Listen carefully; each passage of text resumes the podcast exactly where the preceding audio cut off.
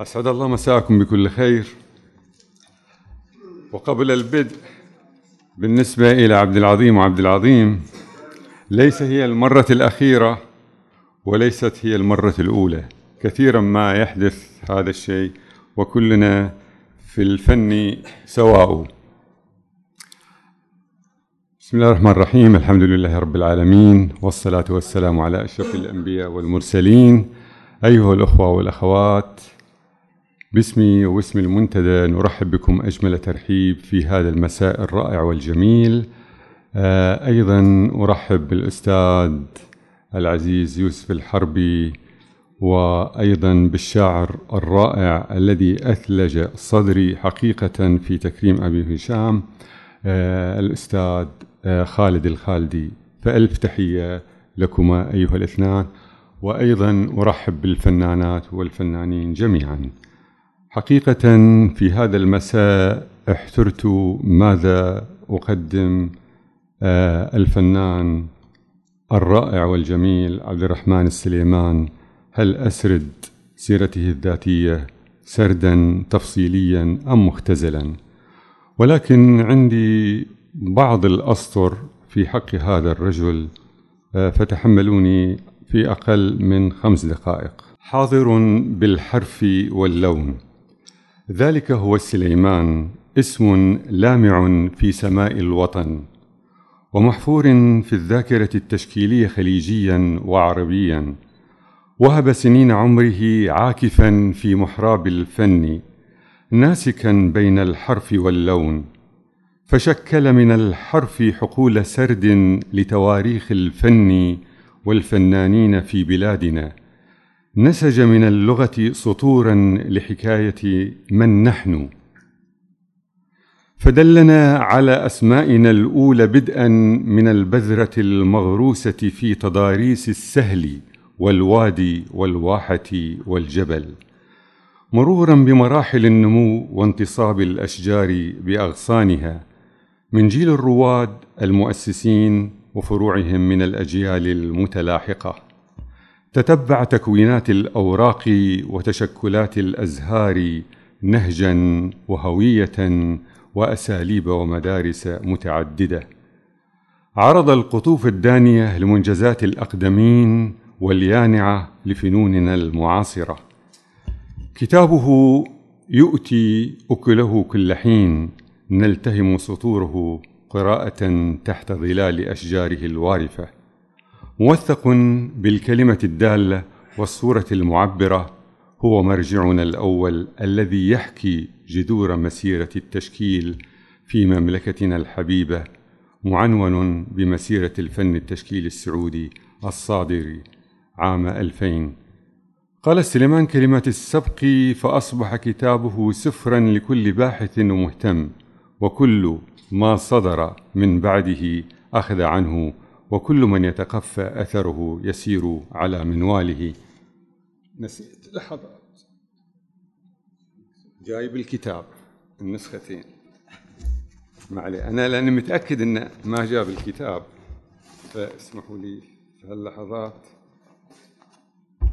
طبعا الكتاب صدر هذه النسخة الأولى أو الطبعة الأولى عفوا ومكتوب هنا الرئاسة العامة لرعاية الشباب وكالة شؤون الشباب الإدارة العامة وبعد تقريبا 13 سنة على ما أعتقد 12 سنة آه، قامت وزارة الثقافة والإعلام بطباعته في النسخة الثانية. معلش باقي دقيقة. وعبر صوته الصحفي أوصل رسائله لجميع المستويات الاجتماعية والرسمية وكم من نقد مقرع وتساؤلات وجهت له بسبب مقال أثار حفيظة مسؤول أو فنان على الرغم من قلمه الوسطي وانحيازه الموضوعي لما فيه خير لحراكنا الفني وقد أثمرت بعض مطالبه بالتحقق على أرض الواقع. ومن ضمنها جمعية خاصة بالتشكيليين جسفت ولما يكنه أخوته في الدرب من رضا وإعجاب فقد امتلك ثقتهم. معشر الفنانين والفنانات فانتخبوه أول رئيس لهم. بالنسبة لكتاباته وقع كبير وأثر في مشهدنا التشكيلي عظيم.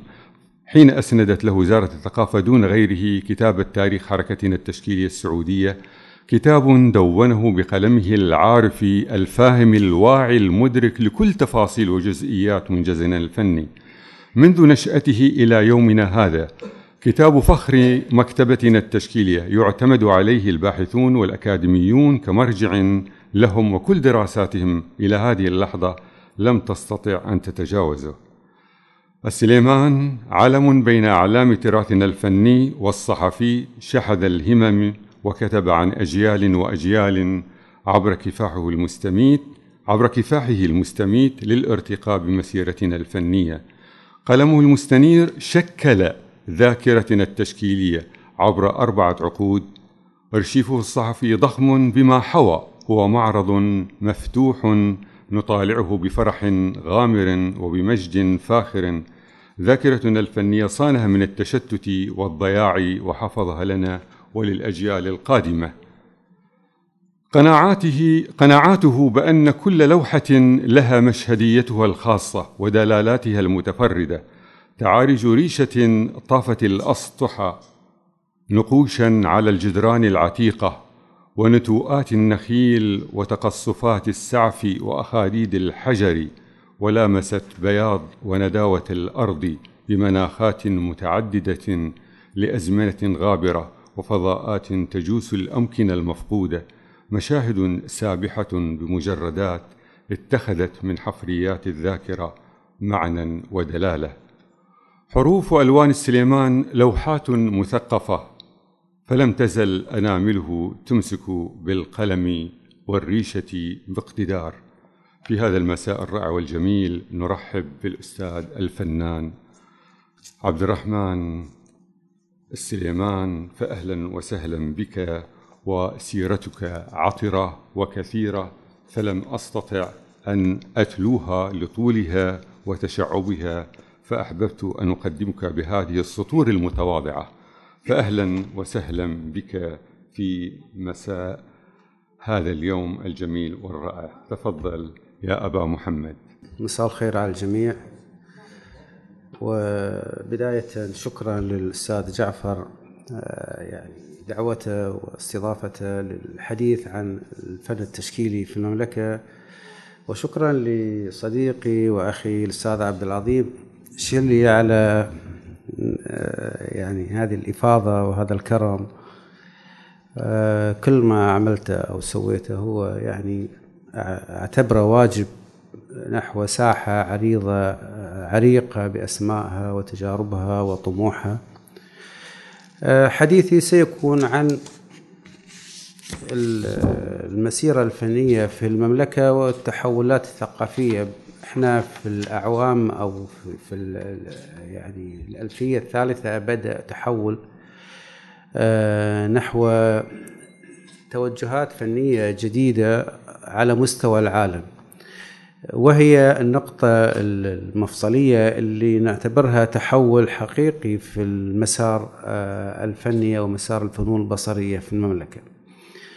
عندما نتحدث عن بدايات الفن في المملكة سنجد أن هناك آه، محاولات مبكرة يمكن لم نرصدها بشكل آه، يعني دقيق. سنستعيد اسم آه، محمد راسم. هذا الذي هذا الفنان الذي درس الفن في اسطنبول أعتقد في الأربعينيات وأعاد بمعرض فردي اقامه في مقر عمله وأعتقد إنه كان البنك الهولندي أو البنك الأول. أيضا في الأربعينات. آه،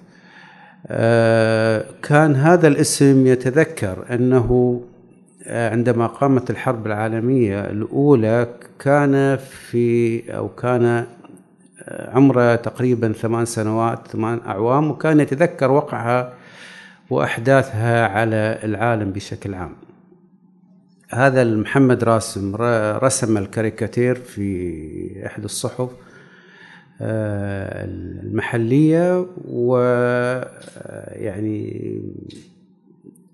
لا نعرف كثيرا عن تفاصيل حياته الفنية ولكن عرفناه فنانا. وحتى إني سألت عنه عبد الحليم رضوي في ذات يوم وقال إني أتذكر أو أعرف هذا الاسم. آه، بداياتنا الحقيقية أو البدايات الموثقة للفن في المملكة هي بدايات ستينية والستينيات شهدت أحداث كبيرة ابتداء بابتعاث آه، عدد من الشباب خريجي الثانوية إلى أكثر من دولة آه، إلى مصر لدراسة التربية الفنية إلى إيطاليا لدراسة الفنون وفنون الديكور. آه، وفيما بعد إلى فرنسا وإلى الولايات المتحدة. البدايات الستينية هي بدايات حقيقية عندما رجع عبد الحليم رضوي من إيطاليا وأقام أول معارضة الشخصية عام 65 آه، أقام في محطتين لأن المحطة الأولى كانت آه، بالنسبة له يعني محطة غير مشجعة. وعاد التجربة في مكان آخر وكانت أكثر يعني إيجابية بالنسبة له ولمساره. آه، أيضا الستينيات شهدت مجموعة من المعارض الأولى لمحمد السليم في العام 67 ولعبد العزيز الحماد في ال 66 ولصفية بن زقر ومنيرة موصلي في ال 68 وكذلك ضياء عزيز في ال 69 السبعينات شهدت أيضا نشاطات متواصلة. أنا هنا الآن سأستعرض أعمال مجموعة من الفنانين وهي وهو في الحقيقة يعني آه، أقرب إلى التاريخية. ولكن الأسماء والتجارب كثيرة وأنا أخذت نماذج منها لأستعرضها أمامكم و آه، يعني نضع في في هذه في هذا الملتقى نوع من التنويع وأيضا تسليط الضوء على تجارب مبكرة يمكن أيضا إشارة إلى تواريخها أو إلى أهميتها من خلال قدمها أو حدثتها أو تجديدها. العمل المنشور الآن هو للفنان محمد السليم والسليم من مواليد 39 1939 وأقام أول معارضة 67 علما أنه من اللي درسوا التربية الفنية مبكرا مع بداية آه، يعني آه، ظهور التربية الفنية في المدارس وتدريسها والأخذ بها كمادة ضمن مناهج المدرسية. هذا عمل آخر وهو عمل سبعيني من الأعمال المبكرة التي رسمها السليم بعد عودته من إيطاليا. هنا عمل مبكر سبعيني أيضا للفنان أحمد المغلوث وأحمد معروف من فني الأحساء اللي ارتبطوا بالواقع ويعني استلهموا كثير من مواضيعه أو استلهم كثير من مواضيعه من واقعه في الأحساء تحديداً. هنا أحمد فلمبان وأحمد فلمبان هذا عمل سبعيني أيضا آه، رسم عن الإنسانية عن الجوع عن التشرد. في معظم أعماله آه، الفنية. هذا عمل حديث آه، طبعا أنا للأسف ما استطعت ترتيب الصور عمل حديث لأحمد ماطر وهذا من الأعمال المبكرة اللي استفادت من الميديا وهذه آه، يعني الأشعة يمكن أول ما عرضها في معرض للخطوط السعودية وحصل على جائزة لهذا العمل. لكن المجموعة أقصد المجموعة وليست العمل اللي أشير له. هنا بدري الناصر وهو يمثل ال style أو يمثل الشخصية الفنية لبدري الناصر. هنا عمل مبكر لبدرية الناصر. هذا يمكن من الأعمال الأولى اللي عرضتها في ضمن مشاركاتها في معرض مكتب رعاية الشباب أواخر السبعينيات. هذا حمزة بجودة وأيضا هو آه، عمل سبعيني. هنا خليل حسن خليل وهو من اللي تأثروا بصياغات السورياليين وهو من فناني جيزان. هنا عمل حديث وجديد لأخونا وصديقنا وحبيبنا زمان. اللي ترك أثر كبير في الحقيقة على عدد من الفنانين سواء على مستوى القطيف أو المنطقة أو حتى المملكة. هنا العمل مختلف آه، هو عمل وحيد فقط اللي اشتغله زمان ولكن معظم أعماله التصويرية كانت هي الأكثر تأثير والأكثر حضور في مشاركاته وحتى في حصوله على الجوائز. هنا عمل أيضا معاصر لفنانة آه، معاصرة شاركت في أو أو مثلت المملكة 2019 في بينالي فينيسيا وهو يعتبر من أكبر البيناليات الدولية. هذا العمل عرضته زهرة الغامدي الدكتورة زهرة الغامدي في بينالي الدرعية آه، آه، ما زال قائم أعتقد البينالي هنا عمل مبكر سبعيني للفنان سعد العبيد رحمه الله.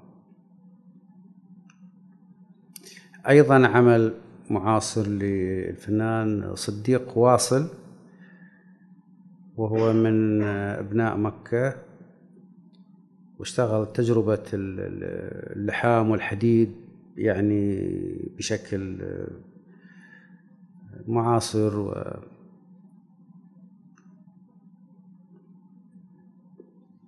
عمل مبكر أو سبعيني لصفية بن زقر الفنانة صفية بن زقر.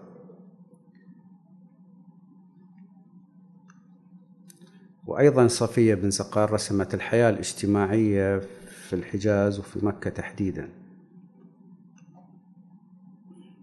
أيضا صفية بن زقر هي فنانة مؤثرة وفنانة رائدة واسمها من مواليد 1940 هنا عمل مبكر للفنان ضياء عزيز. اسم العمل الفول وهو يعني كاتب حتى فول على العمل لأن في بياع فول وفي ناس وفي وهذا من أعمال المبكرة جدا. هذا عمل بالثلاثة وخمسين لعبد الجبار اليحيى بالأقلام على ورق. وهذا العمل عرض في معرض 2009 قام في قاعة حوار. هذا أيضا عبد الجبار من الأعمال المبكرة تقريبا 72 هذا العمل. عبد الجبار لحية أعماله المتأخرة. أعتقد كان اسمه الشهيد أو شيء من هذا القبيل. هذا لعبد الحليم رضوي من أعماله الستينية. عمل مبكر جدا ويعبر عن نضج مبكر أيضا في تجربة عبد الحليم رضوي. أيضا عبد الحليم رضوي هذا بتأثير آه، وجوده في إيطاليا آه، اللي درس فيها الفن وأقام فيها أيضا معارض فردية في إيطاليا. آه، عبد الحليم رضوي بال 62 أقام معرض في بيروت. قبل آه، يعني عودته إلى المملكة آه، ويعني واستقراره وعمله في البداية مدرس في معهد التربية الفنية. هذا عمل اسمه السعادة لعبد الحليم رضوي أيضا عمل ستيني. هذا الفنان الكبير عبد الحميد البقشي وأثر صياغة السرياليين في أعماله وهو عمل مبكر أيضا وعبد الحميد البقشي أقام معرض شخصي واحد عام 79 في الأحساء نظمته له جمعية الثقافة والفنون. بعد هذا المعرض آه، سافر إلى أمريكا واستكمل دراسته للفن. أيضا عمل مذهل لعبد الحميد البقشي.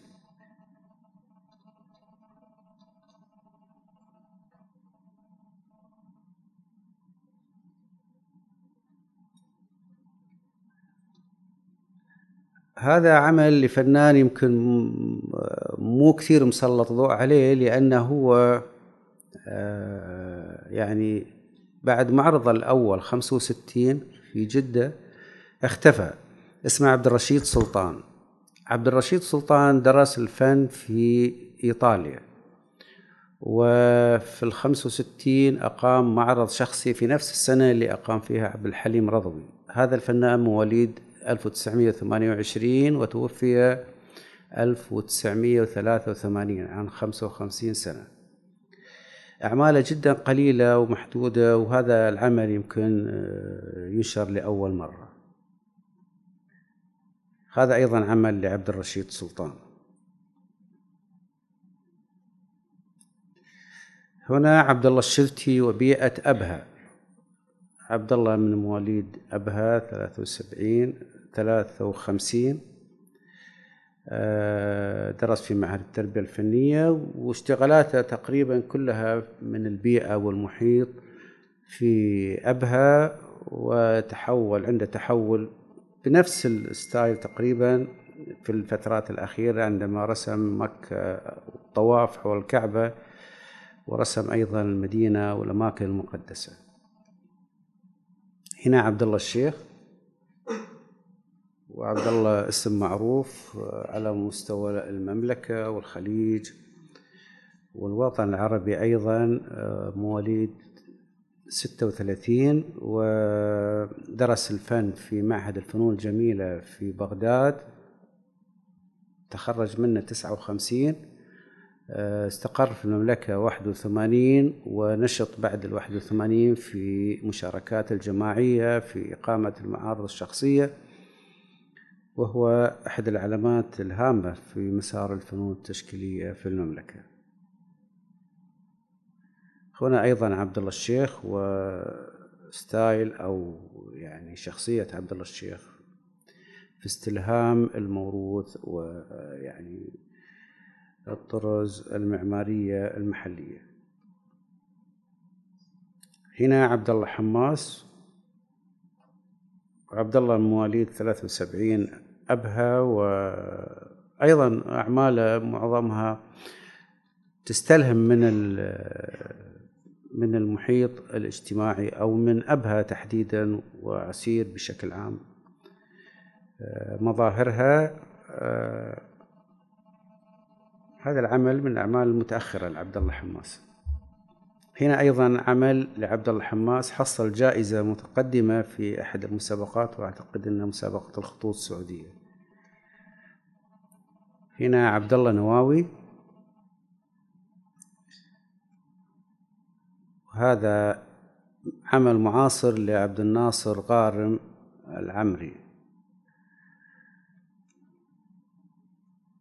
علي رزيزة عمل سبعيني وعلي رزيزة مواليد أربعة وأربعين ودرس أيضا في إيطاليا وعمل مدرس في معهد التربية الفنية في الرياض.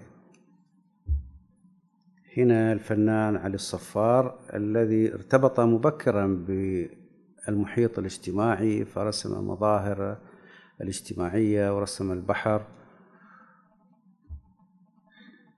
وهذا أحد أعماله المبكرة في الحقيقة. هذه منحوتة لعلي الطخيس وهنا علي حسن هويدي وهو فنان من سيهات. أيضا كان بارزا في معارض آه، مكتب الرئاسة العامة لرعاية الشباب في السبعينيات. وأعمال اتخذت هذه يعني هذه الصيغة وأعماله المتأخرة رسم فيها مظاهر اجتماعية محلية ولكن يصبغها بشيء من هذه الغلالة الهندسية آه، اللي ميزت علي حسن هويدي. تخرج من معهد المعلمين في الدمام وعامل معلم للتربية الفنية وهو في الحقيقة أحد الأسماء البارزة على مستوى المنطقة مبكرا حتى. هذا علي عيسى الدوسري علي عيسى مواليد 1954 وهذا يمثل تجربة من تجارب علي عيسى. هذا عمل لأحمد الزهراني عمل مبكر. أحمد الزهراني أقام معرض شخصي في الرياض عام أربعة وسبعين اسمه الهودج. هنا فهد الحجيلان أيضا من أعمال الثمانينية. هنا فهد الربيق عمل من أعمال المبكرة عمل سبعيني اسمه العائلة. أنا فيصل السمرة ويعني ضمن الأعمال المعاصرة اللي شهدتها المملكة بعد الألفين. هنا أيضا عمل مبكر لفيصل السمرة أعتقد أنه ثمانيني. فيصل سمرة من تخرج من الثانوية الدمام تقريبا في السبعينيات درس في فرنسا في مدرسة الفنون الجميلة المدرسة الوطنية. تخرج منها عمل في مكتب رعاية الشباب فترة قصيرة وعمل في التلفزيون أيضا فترة قصيرة وعمل في متحف العالم العربي في فرنسا لفترة أيضا ورجع إلى المملكة اشتغل أعمال خاصة ثم إلى البحرين واستقر في البحرين ويشارك من هناك. هو من ضمن المشاركين في بناء الدرعية الأخير و آه، عمله كان من ضمن مجموعة المنصورية للثقافة والإبداع. هذا فيصل المشاري.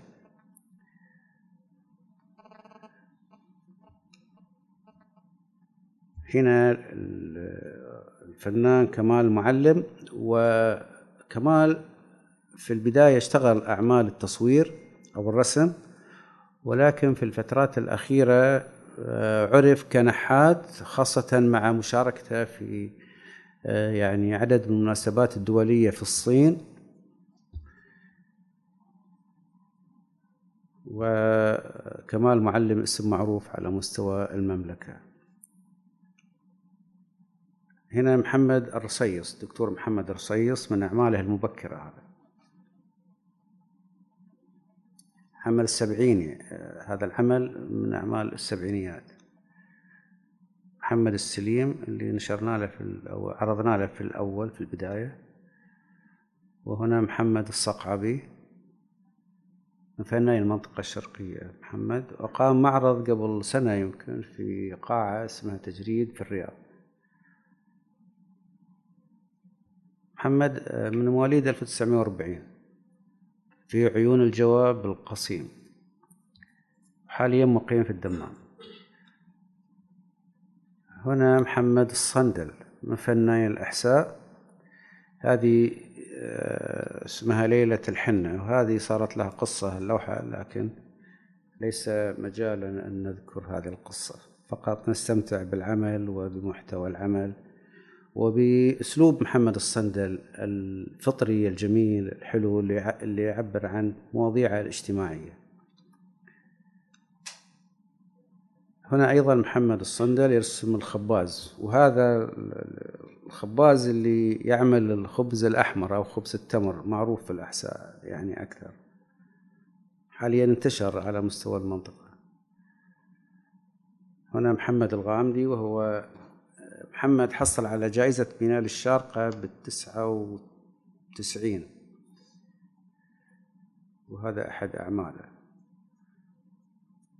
هذا محمد راسم اللي تحدثت عنه في البداية وهذا آه، من أعماله اللي نشرت أو يعني عرضت في معرض له ولمجموعة من عائلته قبل يعني فترة قصيرة. في جدة آه، وربما يكون عندنا هذا العمل. هو عمل مرسوم في أحد الصحف يعبر عن رسوم محمد راسم اللي نشرها في الصحافة ضمن أعمال الكاريكاتيرية يعني وهو تعبير عن جلسة فيها شيشة فيها يعني يعني مظهر اجتماعي عاش محمد راسم مبكرا. هنا محمد سيام. وهنا عبد الله المرزوق فنان مسيهات فنان معروف فنان حديث ومعاصر. وكان آه، عمل في مكتب رعاية الشباب بالقطيف والدمام أيضا كأخصائي فنون تشكيلية. هنا عمل معاصر لمنال الضويان. منير الحجي الطبيعة المحلية أو طبيعة المنطقة أو القطيف تحديدا ومنير عنده حس لوني رهيب جدا ومتميز. هنا منيرة موصلي. هنا لول وهنا عفوا مها الملوح وهنا مها الملوح أيضا. وهنا ناصر الموسى وهذا عمل لناصر الخرجي وهذا الفنان أيضا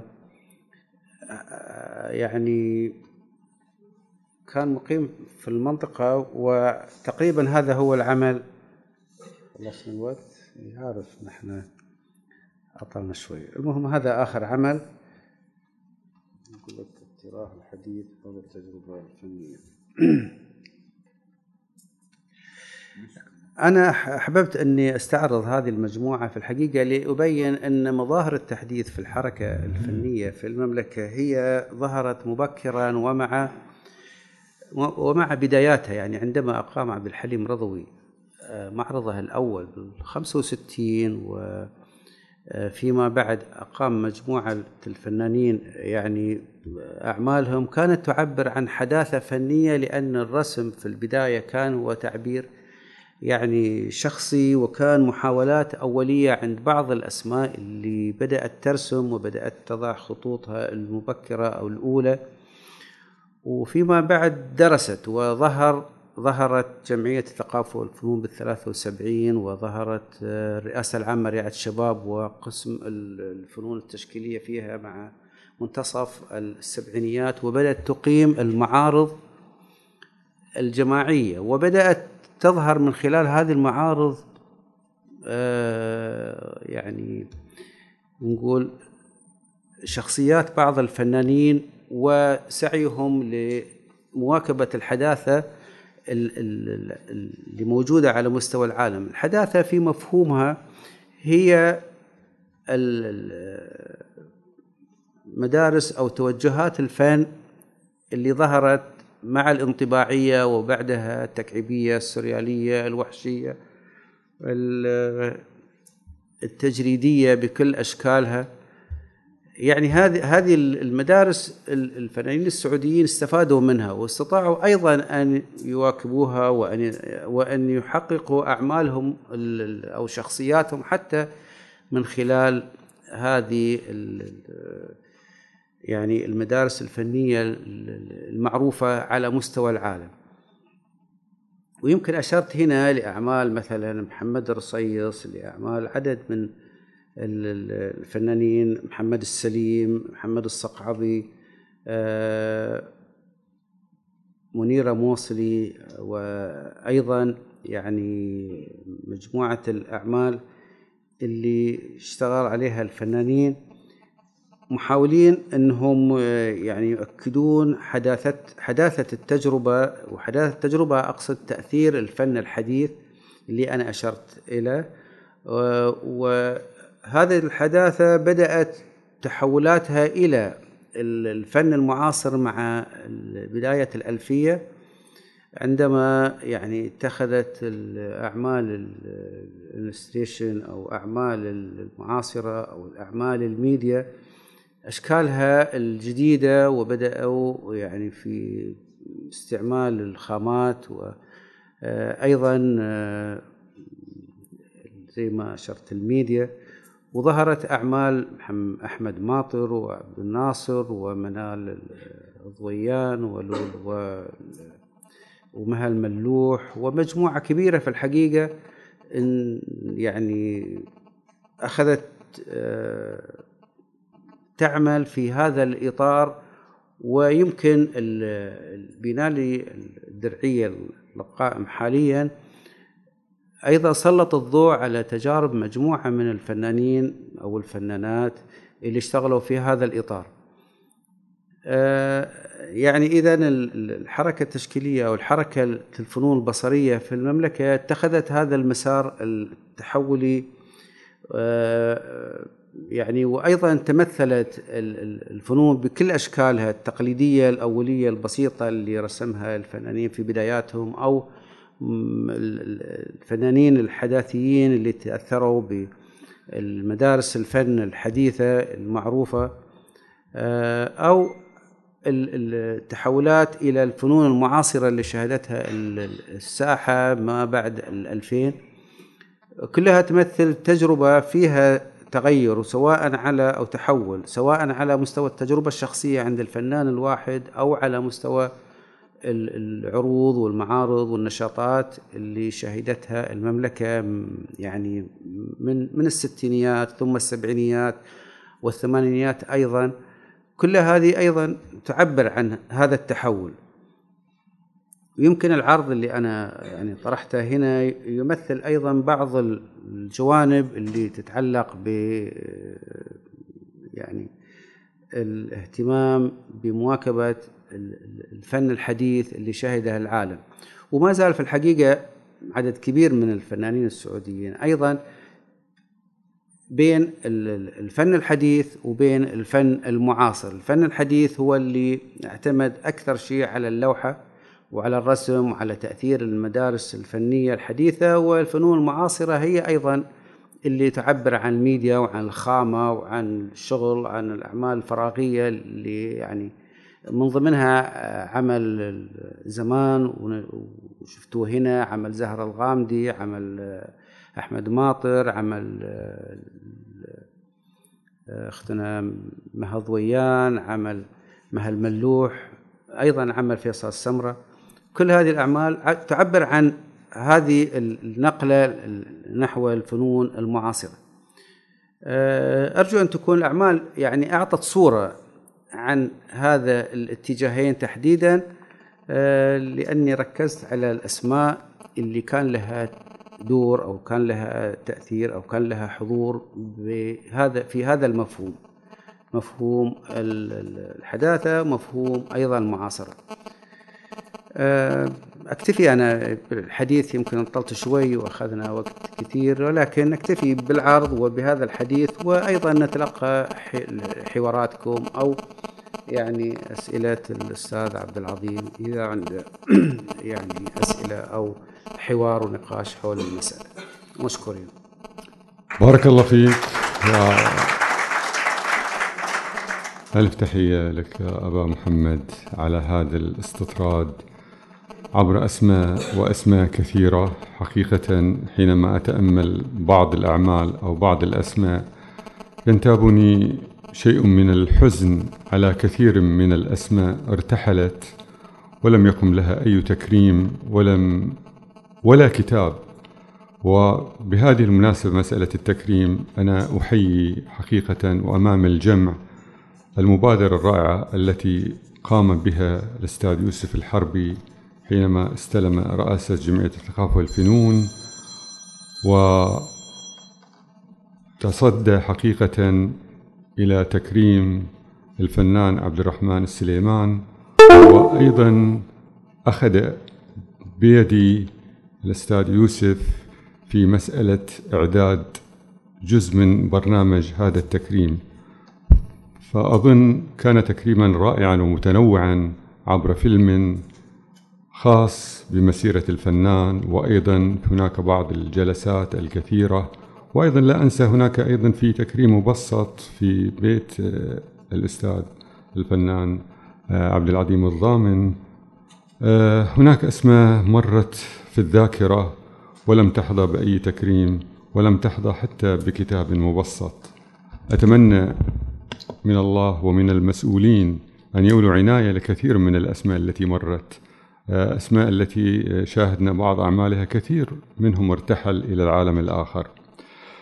حقيقة أستاذ عبد الرحمن عرج بنا بكثير من الأسماء وأيضا هناك متداخلات بين بدايات الفن وبين اللوحة المعاصرة التي اعتمدت على المدارس الفنية وأيضا على الأعمال الحداثية ما بعد الألفين ودخول الإنترنت ورؤية الشاملة آه، الواسعة لكثير من الفنانين ودخول الفن الفراغي وفن الفيديو وأيضا لا أنسى على فكرة بشكل عجالة الذي يقوم به الأستاذ يوسف في معارض الفيديو آرت وهو الوحيد على ما أظن في المملكة إن لم تخني الذاكرة حتى على مستوى الخليج. أحب أن أستطرد ولكن سوف أترك المجال لمداخلاتكم أيها الأعزاء تفضلوا.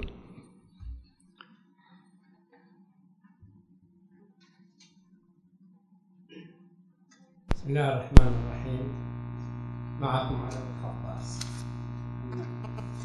أعتقد إنه الاستاذ عبد الرحمن السليمان محمد بتواضعه الجم الكبير لم يستعرض لنا أي عمل من أعماله أو أي من تجربته كفنان من الفنانين الذين يشار لهم بالبنان على مستوى المملكة. أيضا بالنسبة للترجمة لفنان.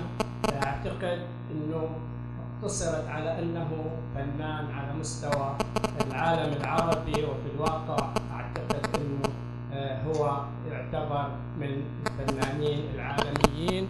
والشهادة على ذلك وضع أحد لوحاته في أحد المزادات العالمية وقد حققت مبلغا كبيرا يعتبر مهولا بالنسبة للوسط الفني في المملكة العربية السعودية.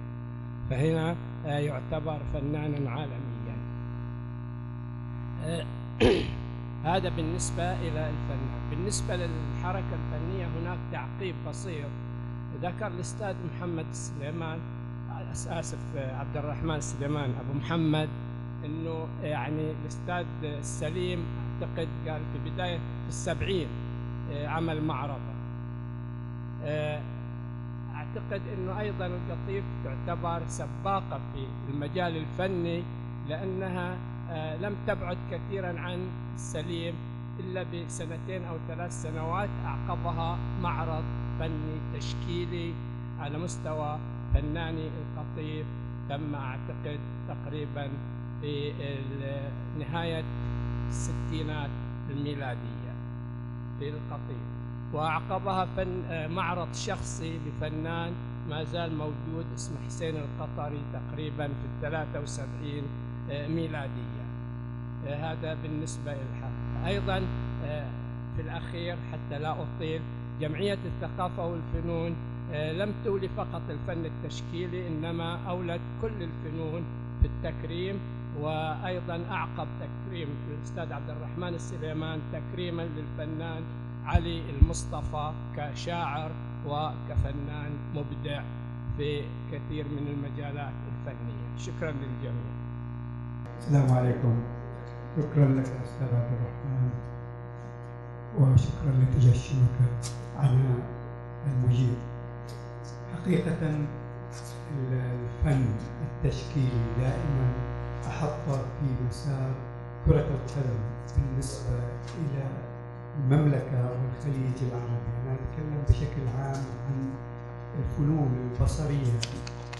بالنسبة للمعارض والاهتمام الجوانب الأخرى من الفنون البصرية كالنحت والأعمال اليدوية لم تلقى لها حظ كما لقيت الفنون التشكيلية الرسمية. بالذات في المنطقة رغم أن المنطقة ملبدة بالفنانين التشكيل الفنانين النحاتين وأصحاب الأعمال لم نرى مثلا معارض مخصصة متخصصة لهؤلاء. وأشكر. بارك الله فيك. مداخلة ثالثة.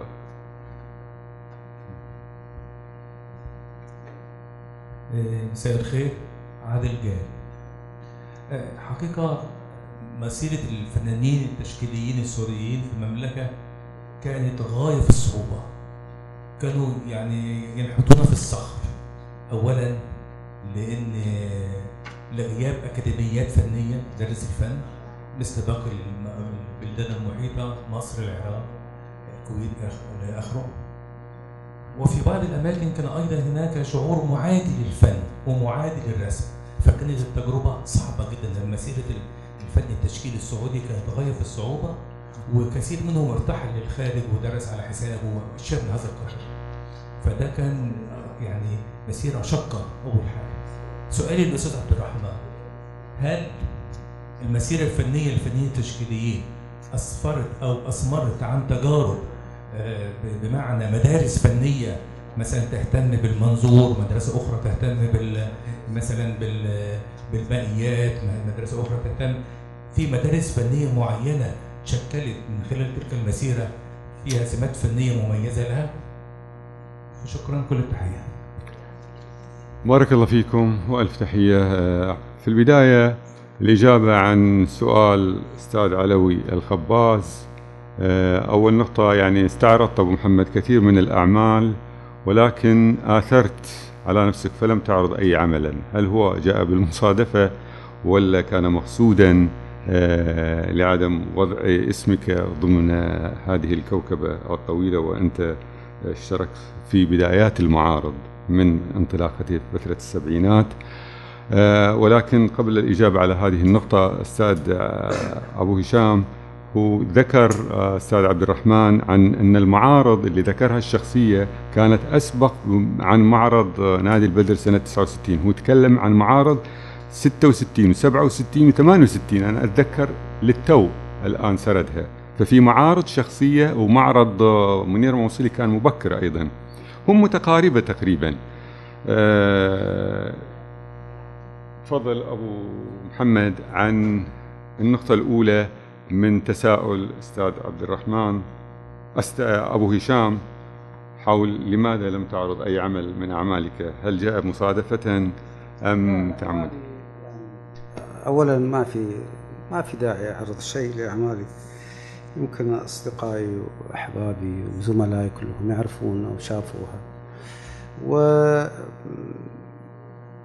يعني الآخرين آه، أحق بهذا الشيء وخاصة إني أنا أكتب تاريخ أو يعني أشير إلى تاريخ. الحقيقة أنا لا أستطيع إني أش يعني أشمل جميع الأسماء والتجارب لأن في أسماء كثيرة.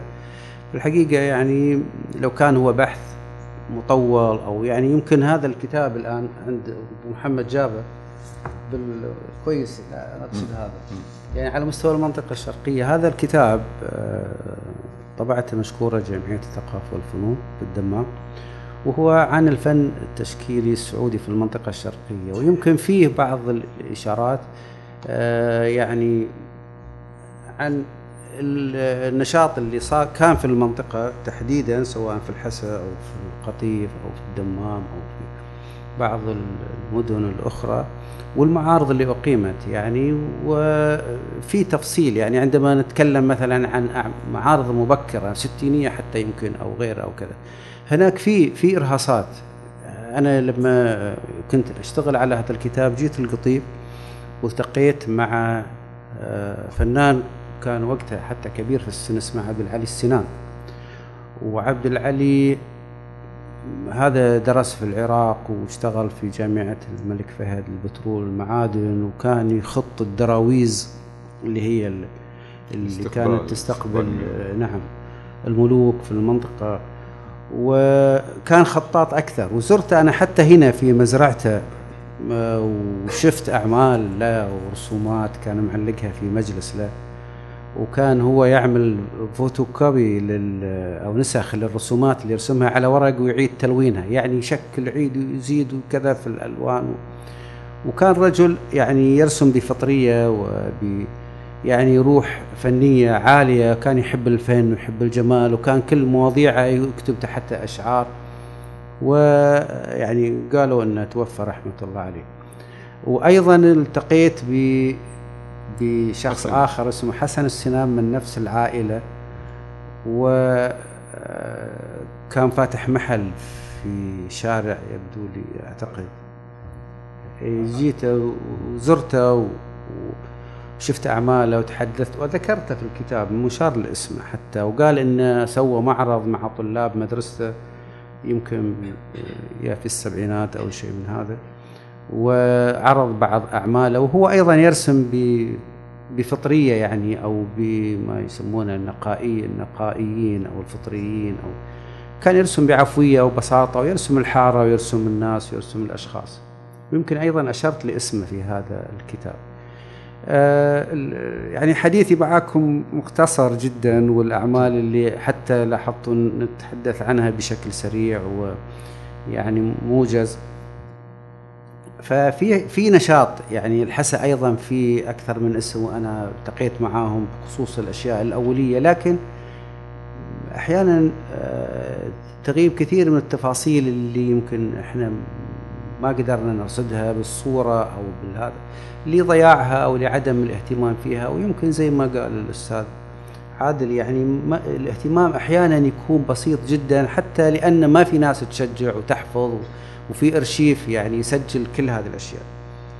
بالنسبة للنحت النحت موجود في المملكة ورعاية الشباب من البداية وهي مهتمة بالأعمال النحتية وكانت تعطي جوائز للأعمال تحت اسم الفنون التطبيقية لأنها كانت تتحاشى أيضا حتى اسم النحت أو يعني وصفها بالتماثيل. ولكن أيضا وزارة الثقافة والف- والإعلام أقامت معرض خاص سمته معرض الثلاث أبعاد. هذا أول مرة. وثاني مرة سوتها تحت اسم معرض النحت. ومنحت فيه جوائز واقتنيت أعمال. في اهتمام بالنحت. الآن على مستوى المملكه تقام سيمبوزيومات أو سيمبوزيوم النحت ويستضاف له آه، يعني فنانين على مستوى العالم. وأقيمت عدة دورات للسمبوزيومات ويمكن اللي في المنطقة هنا شافوا سمبوزيوم أرامكو أو الظهران اللي آه، أقيم عام 2010 صحيح. وشارك فيه فنانين سعوديين نحاتين وأيضا نحاتين عرب آه، كانوا موجودين هنا واستضافتهم أرامكو يعني فترة السمبوزيوم.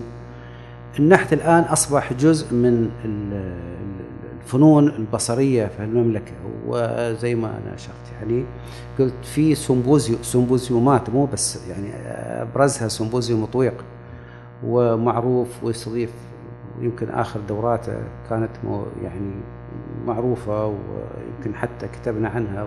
وانتقدناها بعض الشيء كيف؟ حيدر حيدر العلوي جائزة أي. ثانية مم. نعم فهذا فيما يتعلق بموضوع طيب. النحت هل أسفرت تجارب الفنانين عن مدرسة خاصة مدرسة سعودية مثل ما نقول المدرسة آه. السودانية مثلا أو المدرسة العراقية مثلا أنا أقول حاجة يعني في قبل ثلاث سنوات أو أربع سنوات أقيم معرض آه، خوض غمار حياة ضروس أقامته أقام معهد مسك ووضع فيه إطار لمدارس ال- ال- ال- الفنون اللي كانت موجودة في الوطن العربي مدرسة بغداد مدرسة الخرطوم مدرسة الدار البيضاء شو يقول الأخ؟ واصل واصل. لا كلمني. أنا مم.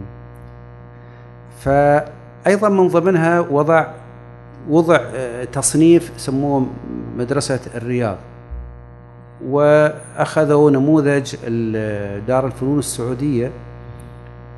دار الفنون محمد السليم كنموذج كان يعني كإطار ل- للتجمع هذا التجمع الفني. وأقيم معرض في أبو ظبي آه، شارك فيه أو قدم فيه عبد الحليم رضوي وقدم محمد السليم وعلي رزيزة وقدمت مجموعة من أعمالي أيضا مع هذه المجموعة. آه، طبعا إحنا ما نستطيع أن إحنا نقول آه، مدرسة لأن اسم المدرسة حقيقة كبير كبير جدا وحتى لما نقول مدرسة بغداد أو مدرسة الخرطوم هي مجموعة من ال- ال- الوحدات المشتركة اللي صاغها الفنانين في في أعمالهم وتلاقت ويعني أخذت هذه التسمية. يعني مثلا لما نشوف أعمال مدرسة دار البيضاء ما في عوامل مشتركة أكثر من الفن نفسه اللي يراه النقاد في تقارب الاستلهامات هذول الفنانين. مدرسة الخرطوم هي أيضا آه، يعني اتجاه فني أو أو يعني تجمع فني الفنانين وجدوا وجدوا فيه مجموعة من الوحدات والعناصر وال ال- يعني الاختيارات اللي تضع نوع من الملامح العامة للتجربة. فوضع في إطار هذه التسمية. مدرسة بغداد آه، أيضا نفس الشيء. يعني مثلا لما نأخذ جواد سليم جواد سليم كان مدرس في معهد الفنون الجميلة أثر على مجموعة من زملاء. آه، يعني سواء اللي در يعني الطلاب اللي كانوا يدرسون أو يعني زملاء مسيرته بأن هذا الرجل استلهم من الفن الحديث أعمال بيكاسو التكعيبية من أعمال الواسطي أيضا هو من شخصيته آه، عراقيته أو بغدادياته حتى بعض المواضيع وبعض الصيغ اللي أوجدت لوحة جديدة مختلفة فيها نفس يعني عروبي. خلينا نقول أقرب لأن استفاد عالميا ووضع بصمته الشخصية وما زال هذا الرجل مؤثر. يعني حتى أن عبد الله الشيخ يذكر في يعني بعض الم- أنهم كانوا دائما يستفيدون أو يستلهمون من أفكار ومن توجيهات مدرسهم جواد سليم. وهذا الجواد توفي مبكرا يعني توفي في أوائل الستينيات. توفي حتى صغير السن يمكن في الأربعينيات. ف آه، المدار تسمية المدرسة هي مدرسة كبيرة يعني تسمية شوية كبيرة. وإحنا يكفينا أن تكون هناك في شخصية لفننا بشكل عام بعيدا عن أن نكون متشابهين. يعني نتشابه مثلا في استلهام المفردة في استلهام المعطى التاريخي ال- ال- الموروث. ولكن في النهاية ن- نصيغ شخصيتنا. يعني لما يجي أحد من الخارج ويشوف عمل معين يحس أن هذا العمل يعني صادر هنا من هذه البيئة ومن هذا المكان أو من المملكة العربية السعودية. مثل ما العراقيين أيضا يكون في شخصية في مجمل فنونهم ولكن ما يمكن إن إحنا نحدد إن هذه نقول مدرسة عراقية ومدرسة مصرية ومدرسة ليبية ومدرسة تونسية هذا الشيء صعب شوية يعني لكن يجب إن إحنا نشتغل بروحنا يعني بثقافتنا بتاريخنا ب يعني شخصيتنا اللي إحنا نحملها بعيدا عن إن إحنا نقلد بقدر ما أن إحنا نستفيد من التجارب الفنية وهذا هو الفن، الفن كله هو عبارة عن استفادة وتأثير ولكن أيضا أنت تقدم الشيء بروحك أنت بشخصيتك. بحيث في النهاية مثل ما أنا أسمع هذا الصوت أو هذه الخطوات اللي تجي نقول كنا مشيت فلان كانه صوت فلان، أيضا اللوحة كأنها لوحة فلان، ومن هنا تتحقق الشخصية الفنية. تمام. بارك الله فيك. آه، أيضا مداخلات جديدة من الأخوات.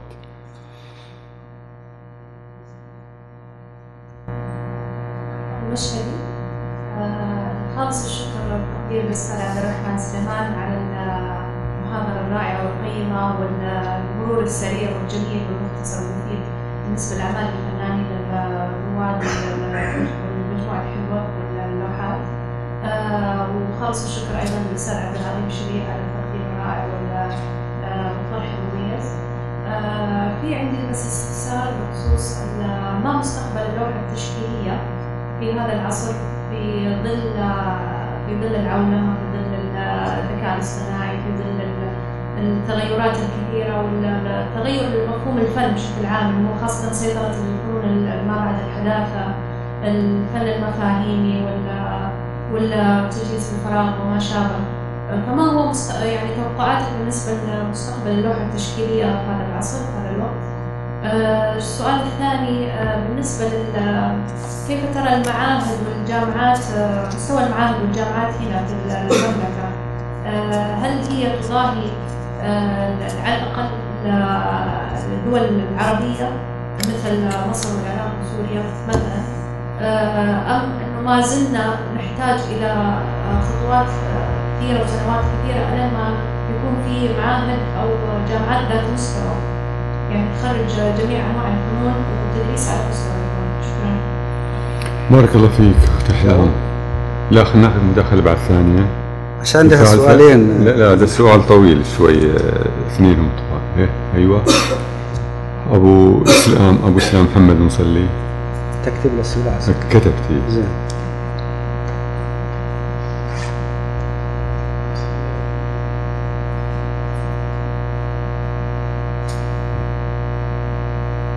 نبي صوتك يا أبو اسلام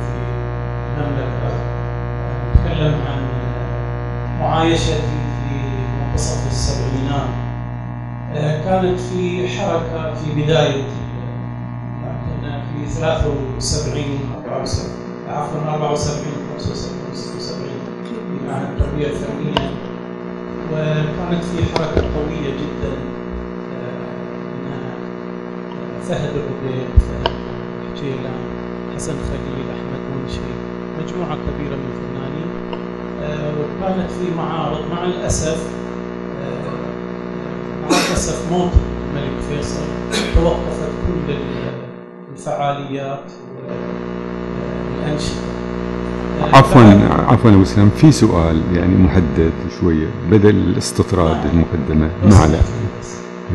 كلمة أخيرة فبعدها كان معرض معرض اللي صار في نادي الهدى 76 وأتلفت وسرقت جميع الأعمال الفنية السبب العظيم يعرف الموضوع ده على العموم هذه استطراد يعني تاريخ وشكرا جزيلا بارك الله فيك. الاخ اللي في الخلف. ما عليه خل أنا أنا عشان ما تكثر. ما عليه كافي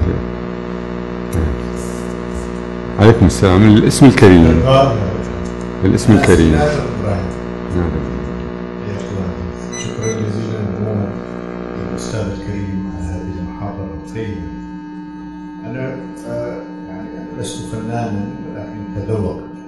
بس يكفينا هذا الشيء آه، كان سؤالي أنا كنت أتوقع أسمع آه، سرد تاريخي للفن في المملكة ومراحل تطور هذا الفن بحيث إن أخذنا من السبعينات إلى الثمانينات والتسعينات وإلى الوقت الحاضر المعاصر والثانية. أنا لم أسمع هذا أنا سمعت كله كلام على فنانين عاشوا أو ولدوا في الأربعينات واعطونا فن في السبعينات وكانما الحاضر غير موجود.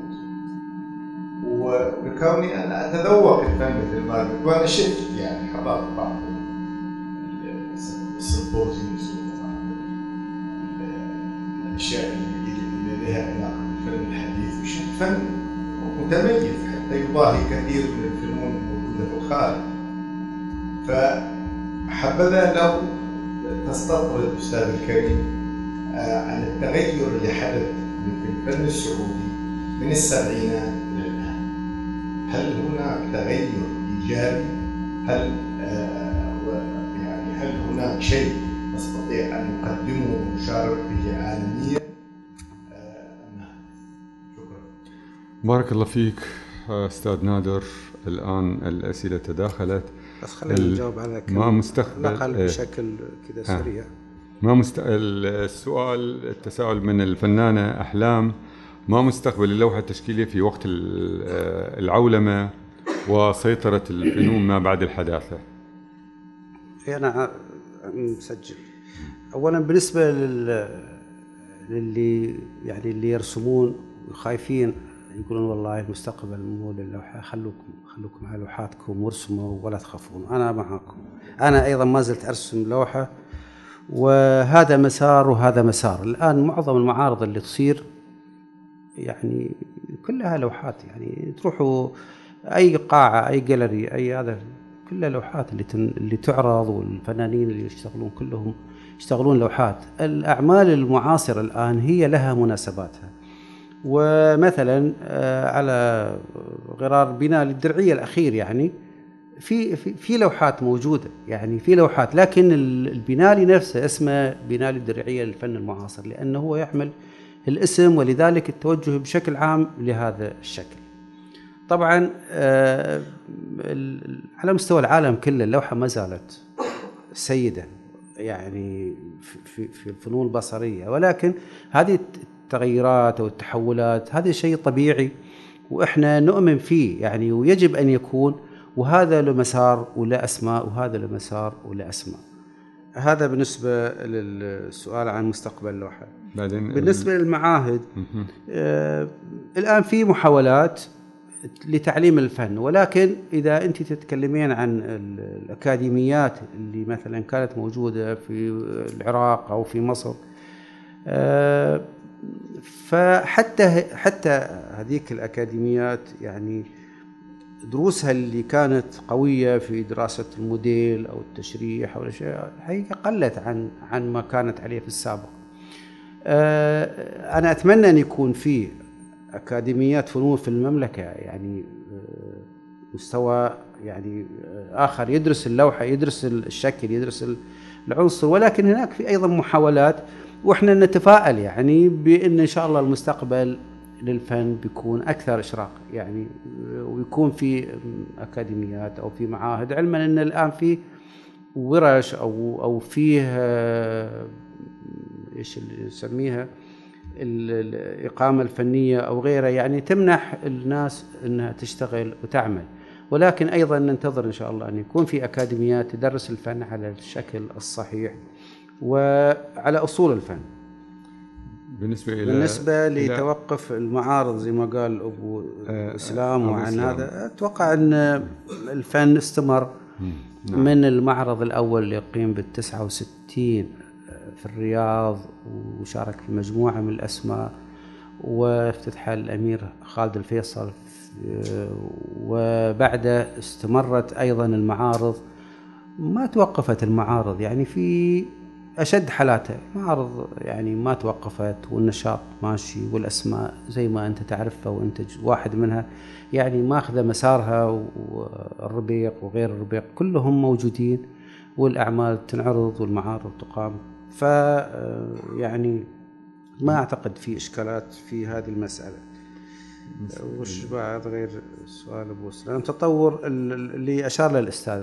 نادر الابراهيم آه، عن تساؤل نادر الابراهيم يقول إن ما لاحظ نوع من التطور في سرد المحاضرة من بداية أيوه أيوه عن عن التحولات. أنا لما ع- حاولت إني أعرض الأعمال كنت أحاول إني أعطي فكرة عن الأعمال ال- القديمة اللي شهدتها السبعينيات والرضوي وصفية والمج والسليم ومجموعة. وبعدين التحولات اللي حصلت في الثمانينيات إلى أعمال الاخيره اللي أنا أيضا آه، يعني عرضتها عمل لزمان وعمل ل آه، مها الملوح ومنال الضويان وأحمد ماطر. وعبد الناصر وفيصل هذا هذا كله أنا حبيت إني استعرضه من خلال الصورة لك- لكي تكون أوضح لأن المسار الفني في المملكة على بشكل عام في ال- البدايات عادة تكون بسيطة وفطرية وعفوية ونرسم الأشياء يعني حسب آه، إمكانياتنا. وخاصة إن في نشاط فني حصل من الستينيات وكان معظم أعماله كانت تعبر عن عن هذا العرض اللي أنا نشرته مثلا سواء إذا شفنا عمل حتى ضياء عزيز أو أعمال عبد الجبار اليحيى أو أعمال محمد الصندل أو يعني كانت أعمال مبكرة تعبر عن الرسم الفطري البسيط ضياء عزيز. لو نشوف اعماله المتأخرة لما درس وراح إيطاليا وتعلم شوف أعمال ومستويات متقدمة أكثر. وأيضا هذا يندرج على ال- الأسماء تقريبا كلها. محمد السليم بعد اعمال بعد معرضه الأول وبعد اعماله المبكرة اللي كانت بسيطة تطور وصار له تقريبا أسلوب خاص سمي الأفاقية وتأثر على يعني بعض الفنانين ومن ضمنهم عرضت له آه، حمزة باجوده عمله متأثر بأعمال السليم وغيره من الفنانين. آه، التطور ال- ال- الفني في ال- في المملكة أنا حبيت إنه يكون عن طريق الصورة أكثر من يكون عن طريق الحديث حتى لا يعني امللكم تكون الصورة أكثر جذب وأكثر يعني إثارة مع مشاهدتها. لكن هذه ممكنة وتكون بالأسماء وأحيانا الأسماء يعني تتحرج من مسألة إن هذا كان في يوم من الأيام أقل وبعدين تطور وبعدين تحول أو يعني حتى أحيانا بعض ال- الاصطلاحات اللي تسمى في الفنون أحيانا بعض الزملاء يعني ما يستسيغون إنها تطلق على تجاربهم لكن إحنا بشكل عام نعطي الصورة فرصة إن إنها تشاهد وإحنا أيضا نحكم عليها من خلال حتى لو ثقافتنا الفنية كانت بسيطه لكن لما يكون رجل متذوق أكيد عنده قدرة على إنه يميز ويستطيع التعرف على حتى اللوحة القديمة أو اللوحة البسيطة أو اللوحة المتقدمة والحديثه بارك الله فيك. أظن أستاذ نادر يعني بالنسبة للفنانين اللي جالسين هنا هم أدركوا آه، هذا التفصيلات. وأنا أحييك على سؤالك و آه، إذا كانت في مداخلات أخرى تفضل شاعرنا الرائع والجميل. وبرغم كذا الاسم الكريم لأنهم وصوني بذلك. أستاذ خالد. بسم الله. يعطيكم يعافيك. آه شكرا أستاذ عبد الرحمن. يعطيك العافية أستاذ عبد العظيم. أستاذ عبد الرحمن تكلمت عن فترة الستينات. هو الفن التشكيلي السعودي الرسمي. الملك سعود بن عبد العزيز بعد وفاة الملك عبد العزيز عام 73 هجري 53 ميلادي يتردد على المنطقة الشرقيه باستمرار خصوصا الظهران والخفر والدمام. والأحساء. والأحساء ممكن لكن كان يتردد على هذه المنطقة والتقى بالكثير من الفنانين المدرسين التربية الفنية من من المصريين والسوريين والفلسطينيين. وأقيم في بلدية الخبر تحت رعاية عبد الرحمن الشعوان مدير بلدية الخبر بالتحديد في في 75 هجري أول معرض للفن التشكيلي. طلعت عليه من خلال مجلة قا- قافلة الزيت. وأيضا آه، تلفزيون أرامكو تحدث عن هذا المعرض. واهدوا للملك سعود بعض اللوحات رسموا الملك الملك سعود وأيضا الأمير سعود بن جلوي في تلك الفترة. اتكلم عن فترة الخمسينات ميلادي السبعينات هجري وعلقت بعض اللوحات بإمارة المنطقة الشرقية قام- عام 75 هجري. 55 ميلادي. أنت تكلمت عن الست الستينات. أنا بس هذه اتضح لي بعد إنه أقدم شيء لفترة الخمسين شكرا. والله والله هذا خبر إشارة- حلو وإحنا إشارة نت- رائعة يعني إيه، جميلة إحنا يعني نحتاج أول مرة إلى هذه. الوثيقة. جميل جميل. بارك الله فيك. يا ريت يعني تزودنا فيها. جميلة يعني. شوف إحنا نحتاج إلى هذه الوثائق ودائما اللي يبحثون في الفن يبحثون عن الأشياء ال- ال- اللي ما يعرفونها. طبعا ارامكو في في الخمسينيات كان فيها جماعة للفنون. وهذه الجماعة للفنون كانت تتمثل أو تتشكل من يعني أما من موظفين أو من زوجاتهم اللي في البيوت وكانوا يمارسون بعض الهوايات سواء اللي هي اليدوية أو أو الرسم وكانوا يقيمون معارض. حتى إنهم بال بال 66 لما آه كانت أرامكو تنظم مسابقة للطلاب المدارس. لما استضافوا عبد الحليم الرضوي بال 66 حكم عبد الحليم الرضوي مسابقة لطلاب المدارس ومن ضمنهم يعني كثير من الأسماء اللي أنا حتى يعني أعرفها. وكانوا طلاب في المرحلة المتوسطة أو الابتدائية. ففي المنطقة في في نشاط لكن هو نشاط أعتقد انه أكثر أقرب ما يكون مدرسي. يعني مو مو نشاط آه يعني. فنانين لأن لو كانوا فنانين يعني على الأقل يمكن نتعرف على أسمائهم خاصة إنك تقول الآن بال 75 إي 75 هجري هذا 55 مليون إي. في تلك الفترة.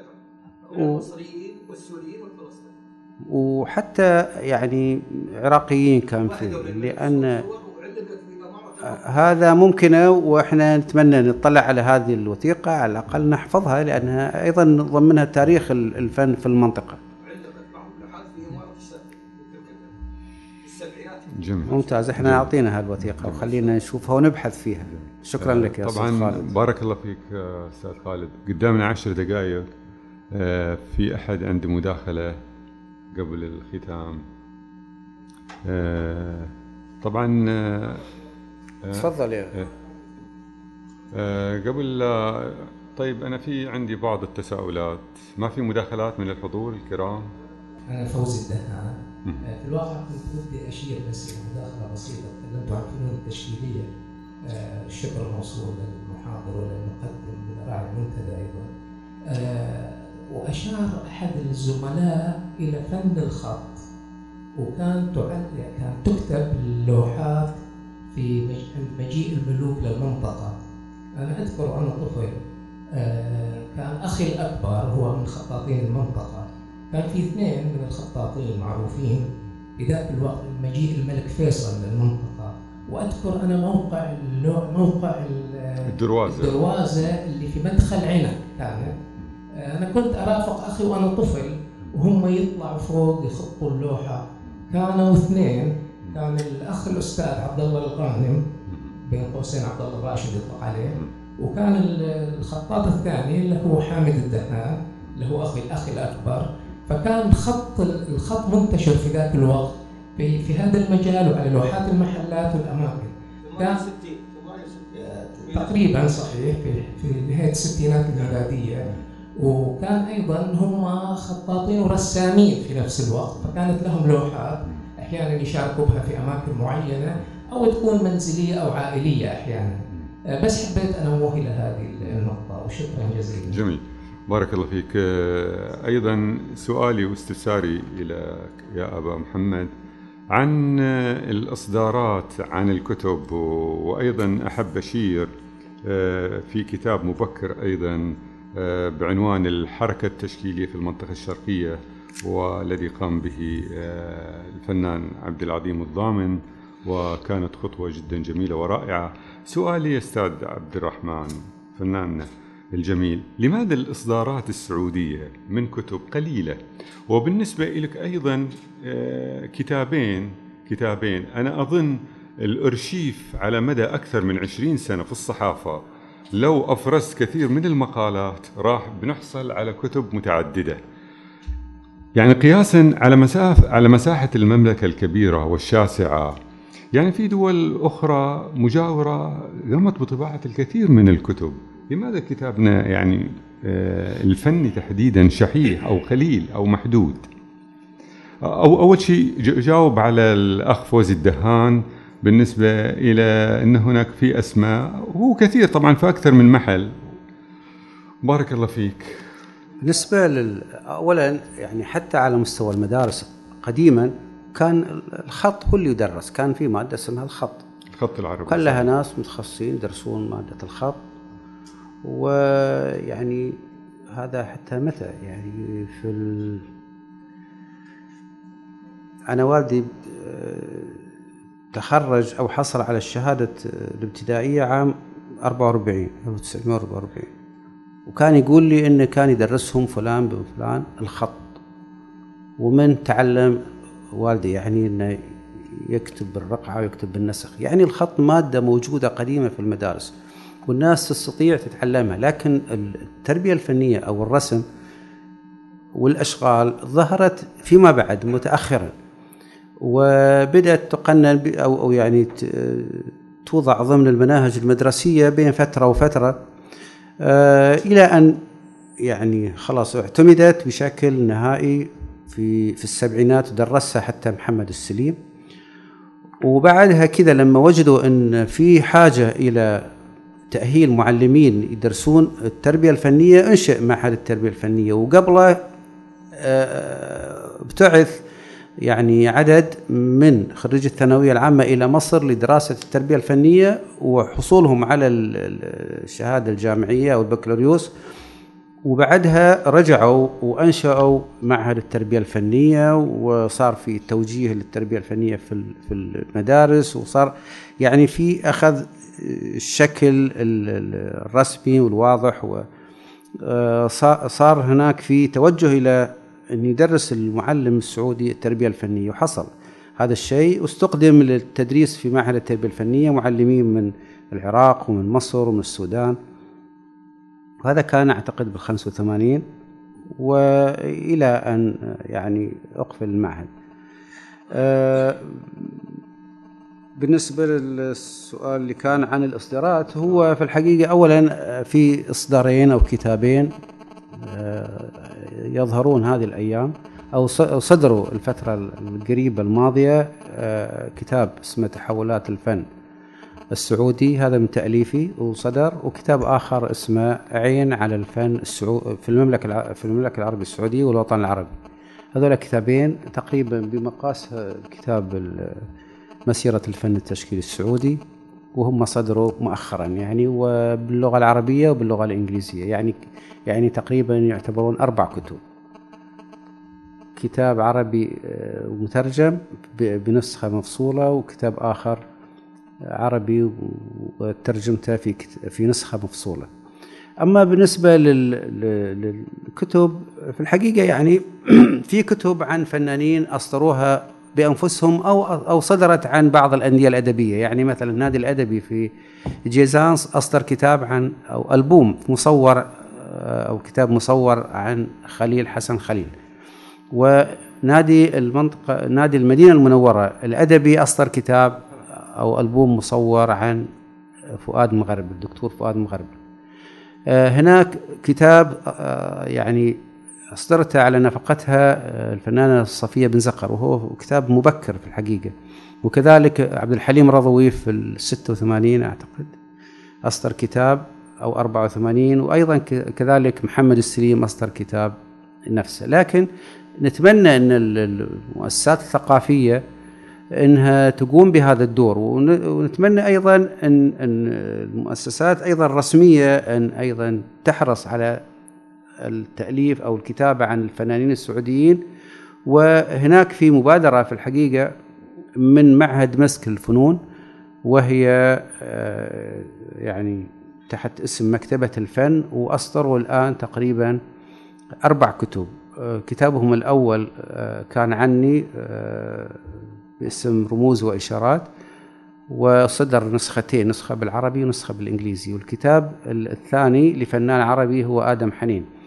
وفي آه، بعد ستة شهور أصدروا كتاب عن الفنانة لولو الحمود وكتاب آخر عن الفنان العراقي رافع الناصري. وهي مستمرة هذه المبادرة آه، بإصدار كتب عن الفنانين السعوديين. متفائلون كثيرا بالمستقبل وبحركة الفنون التشكيلية. وقبل الختام بارك الله فيكم جميعا. والآن صور آه، للذاكرة وشكرا لهذا الحضور وهذه الوجوه الطيبة والرائعة في مساء رائع. طبعا قبل الختام أحب أن أنوه إلى شاعرنا الجميل مصطفى الكحلاوي سوف يوقع كتابه بعد قليل. فألف تحية لك يا شاعرنا الرقيق والجميل وألف تحية.